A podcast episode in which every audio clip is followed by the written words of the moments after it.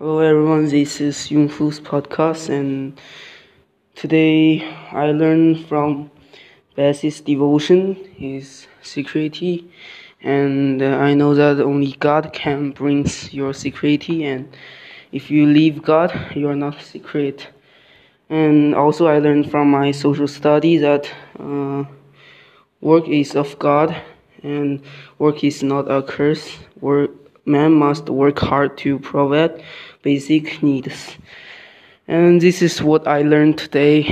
Thank you for listening. Bye.